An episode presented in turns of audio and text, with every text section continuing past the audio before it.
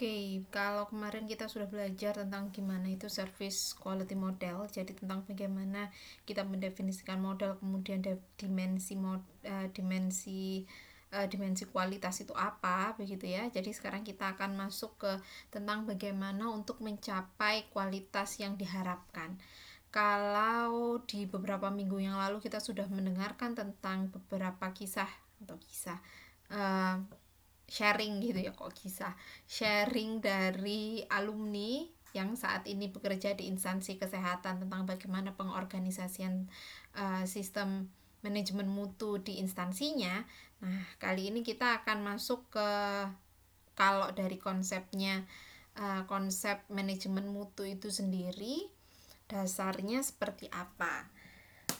Oke, kita masuk ke juran trilogi. Jadi juran trilogi ini semacam proses yang menunjukkan apa saja yang harusnya dilakukan untuk sebuah untuk mencapai sebuah standar mutu yang diharapkan begitu. Uh, kemarin kita juga pahami bahwa juran trilogi sendiri itu lebih cocok untuk produk begitu ya tapi memang pada perkembangannya banyak juga yang menggunakan juran trilogi ini untuk uh, yang sifatnya produk jasa karena kalaupun kita menjual sebuah produk sebenarnya juga tidak akan terlepas dari jasanya begitu ya. Misalnya menjual sebuah produk sepatu itu kan ada produknya. Tapi kan kita nanti tetap aja ada sales after salesnya. Misalnya sekarang lagi banyak tentang gimana nyuci sepatunya gitu ya atau kemudian nanti uh, kalau ada kerusakan. Jadi itu sebenarnya life cycle-nya nggak cuma menjual produk saja tapi juga sampai ke bagaimana mengelola customer-nya juga. Itu mengapa juga kemudian juran trilogi juga banyak dipakai untuk menggambarkan tentang pelayanan jasa. Jadi mungkin di awal saat kita ngomongin tentang manajemen mutu kita juga harus ingat gitu di dalam organisasi itu kan pasti ada kebijakan gitu ya. Jadi uh, manajemen uh, manajemen mutu atau pencapaian sebuah standar mutu yang diharapkan itu juga harusnya diterjemahkan dalam sebuah visi dari sebuah organisasi. Kalau ngomongin tentang visi organisasi pasti nanti juga akan uh, juga akan terkait dengan bagaimana uh, strategi untuk mencapai visi tersebut. Jadi tidak hanya sifatnya yang operasional tapi juga manajemen mutu itu juga harus ada manajemen strategisnya. Saat kita sudah tahu visinya organisasi terkait mutunya seperti apa, kemudian visi tadi ya visi strategi terkait mutu itu seperti apa, kemudian kita akan masuk ke tahapan yang lebih operasional. Bagaimana kemudian menerjemah menerjemahkan aktivitas uh, menerjemahkan uh, pencapaian atau tujuan tadi menjadi sebuah aktivitas-aktivitas yang akan mengelola yang akan menuju sebuah pencapaian standar mutu tertentu gitu ya. Nah, si Pak Juran ini, Juran menjelaskan tentang sebuah konsep yang disebutnya dengan Juran trilogi. Di dalam Juran trilogi sendiri kita pasti akan mengenal tiga hal quality planning, quality control, dan quality improvement. Sebenarnya ketiga kegiatan ini itu ter terapa ya terinspirasi begitu dari sebuah sebuah uh, sebuah proses manajemen finansial di dalam organisasi kalau ngomongin tentang manajemen finansial pasti juga akan ada planning, control dan improvement dan kemudian di dijelaskan bahwa konsep yang dipakai akan mirip dengan yang ada di dalam manajemen finansial tadi. Jadi ada planning, control, dan improvement. Kegiatan-kegiatan di dalam setiap tiga hal di dalam juran trilogi ini sebenarnya juga sudah dijelaskan begitu ya misalnya kalau ngomongin quality planning itu berarti adalah kalau kita mau ingin mencapai sebuah uh, produk yang berkualitas, kita juga harus tahu dulu nih sebenarnya apa sih yang disebut sebagai produk yang berkualitas. Oleh karena itu, kan kita harus tahu dulu nih tujuannya atau hal yang ingin dicapai dari manajemen mutu tadi itu apa. Kemudian untuk bisa mencapai tujuan tadi itu aktivitas-aktivitas kita harusnya apa. Dan kalau kita ngomongin aktivitas kita apa untuk mencapai tujuan tadi berarti kita juga harus tahu dulu dong saat ini kondisi kita pada level yang mana sehingga apa yang harus diperbaiki begitu ya apa yang harus direncanakan untuk aktivitas itu juga bisa lebih tepat sasaran. Jadi sebenarnya sama ya konsepnya ngomongin tentang planning itu kan berarti where are we now and where we want to go gitu ya. Jadi quality planning dijelaskan seperti tadi gitu bagaimana menetapkan sebuah tujuan, mengidentifikasi customer gitu ya. Karena kalau kita ngomongin Juran kan dia sudah menjelaskan bahwa sebenarnya customer kita itu ada dua, ada customer eksternal dan juga customer eksternal dan mereka pasti punya kebutuhan yang berbeda. Sehingga tujuan dari mutunya untuk memenuhi uh, kebutuhan dua pelanggan tadi itu juga akan berbeda gitu ya. Kemudian di dalam quality planning sendiri nanti kita akan tadi menentukan aktivitas-aktivitas uh, termasuk juga standar mutunya akan seperti apa. Kalau ngomongin standar mutu pasti juga kalau itu produk ada yang namanya me, me apa merancang sebuah kualifikasi dari produk yang akan dibuat. Nanti di kuliah metode manajemen kita akan juga belajar tentang salah satu tools yang bis, yang sering dipakai untuk menerjemahkan dari kebutuhan tadi menjadi sebuah spesifikasi produk dengan menggunakan metodenya uh, quality function deployment gitu ya. Itu juga salah satu yang sering dipakai untuk menentukan kualifikasi produk yang akan dihasilkan. Kemudian kalau sudah kegiatan tadi direncanakan, kemudian dilakukan gitu ya. Kita harus ada yang namanya quality control. Ya sama kayak kita biasanya melakukan plan planning, organizing, actuating, controlling begitu ya ya prinsipnya sama gitu direncanakan, dilakukan kemudian kita akan kontrol bagaimana aktivitas tadi sudah berjua, berjalan sesuai dengan rencana. Bagaimana setiap tujuan yang sudah kita sepakati atau standar mutu atau sasaran mutu yang sudah kita tentukan di dalam quality planning itu dapat dicapai dalam sebuah aktivitas uh, aktif dalam aktivitas-aktivitas yang sudah direncanakan itu semuanya dilihat dalam quality control dan di dalam quality control kita juga harus ingat bahwa prinsip dari melakukan sebuah kontrol itu pasti kita punya sebuah standar yang akan kita gunakan untuk melakukan komparasi. Jadi saat melakukan quality planning jangan lupa untuk menentukan standar itu juga harus jelas e, nanti apa yang akan dibandingkan atau yang akan menjadi indikator di dalam quality controlnya. Oke, kemudian yang terakhir adalah trilogi yang terakhir menurut uh, Juran adalah quality improvement kalau kita sudah melakukan quality planning, kita sudah melakukan quality control, pasti akan ada upaya untuk melakukan quality improvement. Nanti kita akan cek ya di dalam sebuah konsep yang Juran trilogi ini digambarkan Juran dalam sebuah matriks begitu ya di dalam sebuah matriks di situ dibagi jadi tiga ada quality planning, quality control dan quality improvement. Kalau kita lihat di quality planning di bagian yang X gitu ya sumbu X-nya sumbu X-nya itu adalah cost of poor quality. Jadi itu nunjukin ukurannya dari aktivitas-aktivitas ini uh, itu bisa diukur dari cost of poor quality-nya. Atau di situ sebenarnya juga bisa diartikan begini. Jadi kalau kita lihat semakin tinggi cost of poor quality-nya berarti itu menunjukkan posisi dari quality control-nya itu kita cek gitu ya kalau kita bikin chart begitu ada yang sangat tinggi sekali defectnya. Jadi uh, defect itu uh, produk yang gagal begitu ya produk yang banyak dikomplain gitu ya itu salah satu contohnya ya. Jadi defect itu pokoknya produk yang tidak sesuai dengan kriteria kita. Semakin tinggi sporadic spike-nya atau semakin tinggi waste yang kita keluarkan gitu atau produk cacat yang kita hasilkan berarti quality planning-nya harusnya lebih harus diperbaiki lagi gitu. Karena cost of poor quality-nya akan semakin tinggi. Berbeda kalau misalnya kita melakukan quality control itu baik-baik begitu kita tahu bahwa uh, di gambar itu tadi kita ketemu operation uh, apa uh, quality improvementnya akan semakin banyak dilakukan. Begitu itu akan mengurangi cost of poor quality-nya. Nah di dalam gambarnya quality trilogi sendiri itu ada namanya chronic waste dan sporadic spike. Kalau chronic waste itu kan steady begitu ya. Ya tetap seperti itu. Pasti akan uh, defect yang dihasilkan ya jumlahnya terus menerus jumlahnya begitu stagnan gitu ya tetap segitu.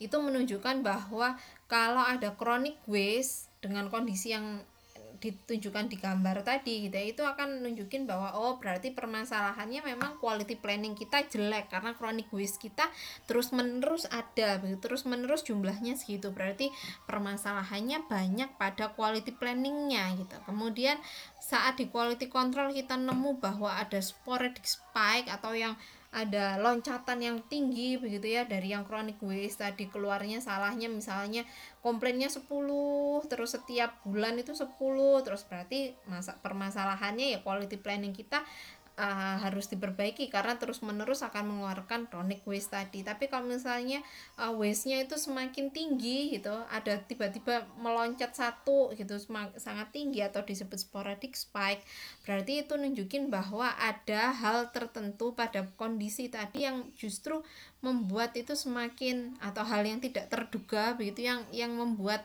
membuat uh, jumlah defect itu semakin tinggi. Nah, itu itu bisa di capture dari kalau kita melakukan sebuah quality control. Kita bisa tahu chronic waste, kita tahu sporadic spike dan kita tahu penyebabnya apa.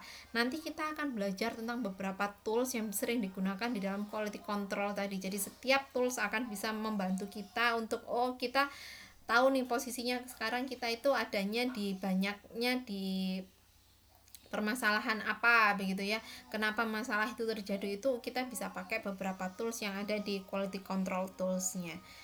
Kemudian cost of poor quality ini akan berkurang saat kita melakukan sebuah quality improvement. Artinya quality improvement ini adalah sebuah hal yang uh, upaya untuk meningkatkan kualitas. Jadi ada yang namanya uh, ada usaha gitu yang dilakukan untuk mengurangi defect-defect tadi itu adalah quality improvement. Kemudian kalau dalam quality improvement begitu ya misalnya contohnya gitu ya ada orang yang kalau quality control ada ketemu jelek satu langsung di dikeluarkan gitu ya. Itu bukan quality improvement tapi quality improvement adalah memperbaiki dari hal yang kita temukan jelek tadi itu kita perbaiki gimana caranya dia biar bisa lebih baik lagi. Kalau cuman quality control ketemu masalahnya salah satu kemudian langsung dibuang itu bukan sebuah quality improvement. Kemudian ada juga sebenarnya kita sering dengar dengar namanya quality assurance begitu ya sebenarnya quality assurance itu konsepnya sama dengan quality control. Cuman itu lebih pada kepada siapa kita akan menggunakan uh, aktivitas ini begitu kalau quality control orientasinya adalah internal jadi walaupun tidak ada orang yang meminta kita melakukan melakukan pengendalian mutu atau mengecek mutunya gitu ya, kita akan selalu melakukan karena kita orientasinya adalah gimana biar produk kita itu bisa lebih baik lagi saat melakukan melakukan quality improvement. Berbeda dengan quality assurance. Kalau quality assurance itu adalah quality control yang orientasinya adalah untuk eh, menginformasikan kepada orang di luar organisasi tapi yang membutuhkan informasi tersebut. Misalnya kayak uh, quality assurance itu contohnya kayak gini, akreditasi gitu ya kenapa sih kok harus ada akreditasi ya biar terrekognisi gitu. Orang lain tahu bahwa oh organisasi ini memang melakukan uh, penjaminan mutunya bagus makanya status akreditasinya begini gitu. Kalau kita cuman pakai quality control saja berarti ya sebenarnya itu adalah kita melakukan perbaikan memang tapi kita tidak berupaya untuk menginformasikan ke pihak yang luar. Orang lain akan tahu bahwa penjaminan mutu kita bagus karena kita melakukan yang namanya quality assurance tadi. Jadi sebenarnya konsepnya sama cuman berbeda pada siapa sih yang apa yang diorientasikan untuk mendapatkan informasi tentang penjaminan mutu yang kita lakukan itu quality control dan quality assurance itu ya Oke, kemudian siapa? Atau waktunya gimana nih? Kalau yang melakukan quality improvement, uh, improvement, control planning begitu ya. Sama sebenarnya seperti apa yang sudah kita pernah pelajari tentang tiga level dari manajemen gitu ya. Ada frontline staff ada middle middle manager ada yang uh, upper managers gitu ya. Nah yang planning pasti akan lebih banyak pada level manager. Jadi manager itu me, me, me, mengarahkan tadi strateginya atau tujuannya apa strategi untuk mencapai tujuan tadi apa gitu ya aktivitas yang harusnya dilakukan apa saja gitu ya. Kemudian yang improvement itu lebih pada yang upper sama manager uh, middle manajernya begitu ya. Jadi apa sih kalau kita udah tahu uh, sudah tahu aktivitas kita sudah melakukan kontrol perbaikannya apa? Yaitu adalah tugas lebih banyak lebih pada upper manajernya dan uh, dan middle level manajernya gitu ya. Kalau pada yang pada level pada level teknis gitu itu lebih pada bagaimana melakukan kontrol. Kontrol tadi pasti akan disesuaikan dengan panduan bagaimana melakukan quality control dengan melihat uh, standar-standar yang sudah ditemukan di quality planning begitu ya. Kemudian gimana biar tetap terus berlangsung uh, quality improvementnya terus dapat dilakukan gitu ya. Jadi ada maintenance di situ itu lebih pada frontline staffnya jadi konsepnya sebenarnya sama dengan manajemen secara umum, cuman istilahnya mungkin agak sedikit berbeda begitu. Biasanya kalau kita ngomongin tentang POAC, Planning, Organizing, Actuating, Controlling, biasanya kalau di manajemen mutu kita lebih kenalnya PDCA, Plan, Do, Check, dan Action gitu ya. Oke, kemudian kita akan belajar juga tentang quality improvement tools. Jadi di dalam bukunya Juran dia menyampaikan juga bahwa ada beberapa tools yang bisa digunakan untuk melakukan quality improvement. Baik pada yang quality improvement kita ngomongin juga quality control ya sama saja gitu ya. Di situ kita akan tahu bahwa ada beberapa alat yang sering bisa dipakai gitu. Ada tentang kalau kita saat melakukan apa menentukan project untuk manajemen mutu itu apa? Begitu ya kita bisa menggunakan beberapa quality tools. Misalnya kita brainstorming. Jadi kita akan mengumpulkan orang-orang yang terlibat dalam proses manajemen mutu tadi. Kemudian kita tak kita lakukan brainstorming kira-kira dengan data-data yang sudah kita punya sebelumnya apa aktivitas yang harusnya dilakukan? Konsepnya sama brainstorming itu kan untuk mencari curah pendapat gitu ya ide eh, ide-ide untuk melakukan sebuah hal gitu atau juga bisa digunakan untuk menganalisis masalahnya apa gitu. Itu brainstorming. Jadi konsepnya dengan apa yang sudah kalian pelajari pada kuliah manajemen yang lain itu ya sebenarnya sama saja. Ada brainstorming ada cause effect diagram. Cause effect diagram kan kita juga belajar nih di PE gitu gunanya untuk mencari penyebab masalah. Nah sama juga di manajemen mutu cause dan effect diagram digunakan juga untuk mencari akar masalahnya apa. Justru sebenarnya cause and effect diagram yang disampaikan oleh Ishikawa itu adalah awal sekali digunakan pada uh, pada manajemen mutu gitu ya. Jadi Ishikawa itu salah satu tokoh yang yang sering uh, atau tokoh yang uh, yang bergerak di manajemen mutu. Jadi kita juga menggunakannya juga kan di di PE untuk mencari akar masalah, tapi sebenarnya sama juga konsepnya. Kemudian kita juga akan banyak belajar tentang uh, nih ya. Jadi ada ada yang namanya basic quality tools. 7 basic quality tools for process improvement ini yang disampaikan sama Ishikawa. Jadi kalau kita baca yang di bukunya Juran itu dia sebenarnya juga mengadopsi dari punyanya Ishikawa. Jadi Ishikawa di awal sendiri dia menyampaikan bahwa sebenarnya kalau kita melakukan sebuah quality improvement kita harus bisa menguasai tujuh tools tadi. Tujuh tools itu apa? Cost and cost and effect diagram. Gunanya tadi untuk mencari uh, masalah dan akar penyebab masalahnya kemudian kita juga uh, Kaori Ishikawa juga mengajarkan tentang check sheet. Jadi check sheet ini tentang bagaimana kita mengelola data harian gitu ya. Jadi kita selalu kelola data yang kita punya itu kita kumpulkan di dalam sebuah check sheet. Jadi kita biar tahu uh, day to day-nya akan seperti apa. Kemudian ada namanya juga control chart. Begitu kalau control chart kalau control chart jadi dia ya itu tadi sama sebenarnya kayak check sheet. Kalau kita kumpulkan check sheetnya terus kemudian kita sajikan dalam bentuk yang kita lebih mudah untuk ngecek apa sih yang terjadi setiap hari atau setiap periode kita bisa bikin namanya control chart atau histogram. Kalau histogram teman-teman juga sebenarnya sudah sangat paham sekali gitu ya melihat distribusinya. Masalah dari sekian banyak masalah yang kita dapatkan histogram akan nunjukin oh masalahnya ini terjadi pada yang paling banyak ada di mana begitu Kemudian ada namanya Pareto chart. Kalau Pareto chart ini gunanya adalah untuk mencari yang paling signifikan dari sekian banyak masalah yang kita temukan.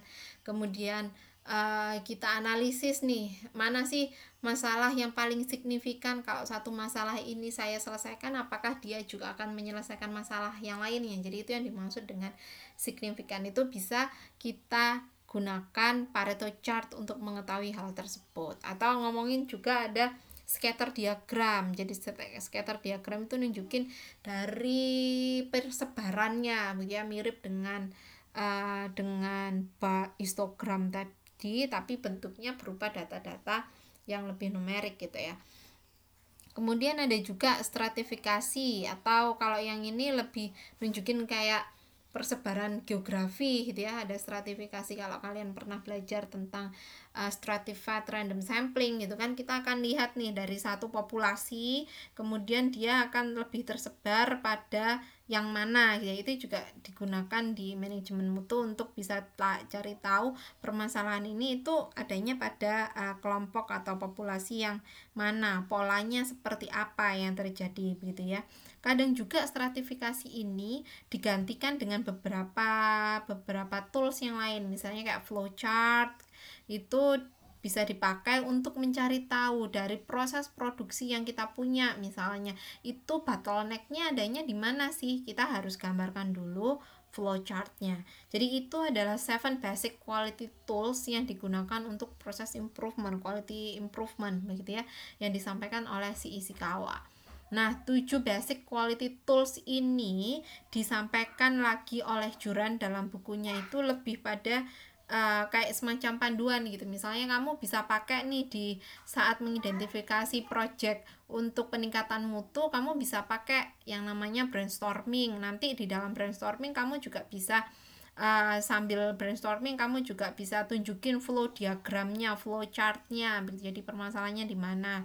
Atau kemudian saat misalnya kamu sudah tahu uh, quality improvementnya apa, kamu mau cari tahu kenapa kok quality improvementnya tadi nggak bisa berjalan dengan baik gitu ya.